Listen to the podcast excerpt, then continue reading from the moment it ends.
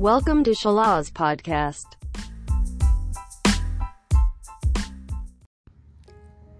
Halo Sobat Salas, jumpa lagi dengan saya host Pipit.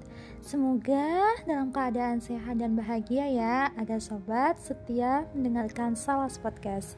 Kali ini sudah memasuki episode 10 tentang arti sahabat. Pastinya Sobat Salas punya sahabat dong Mulai dari kecil ataupun sampai saat ini Nah, apa sih arti sahabat?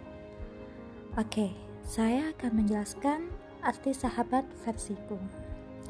Sahabat itu datang tak diundang, pulang selalu dikenal.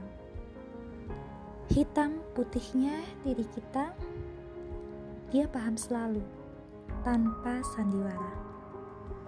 Bahkan semesta tahu kisah kita. Malaikat ikut mendoakan Semoga ikatan persahabatan sampai jannah.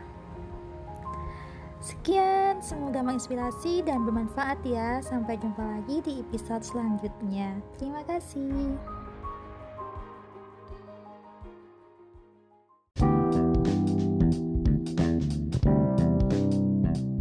Thank you for attention.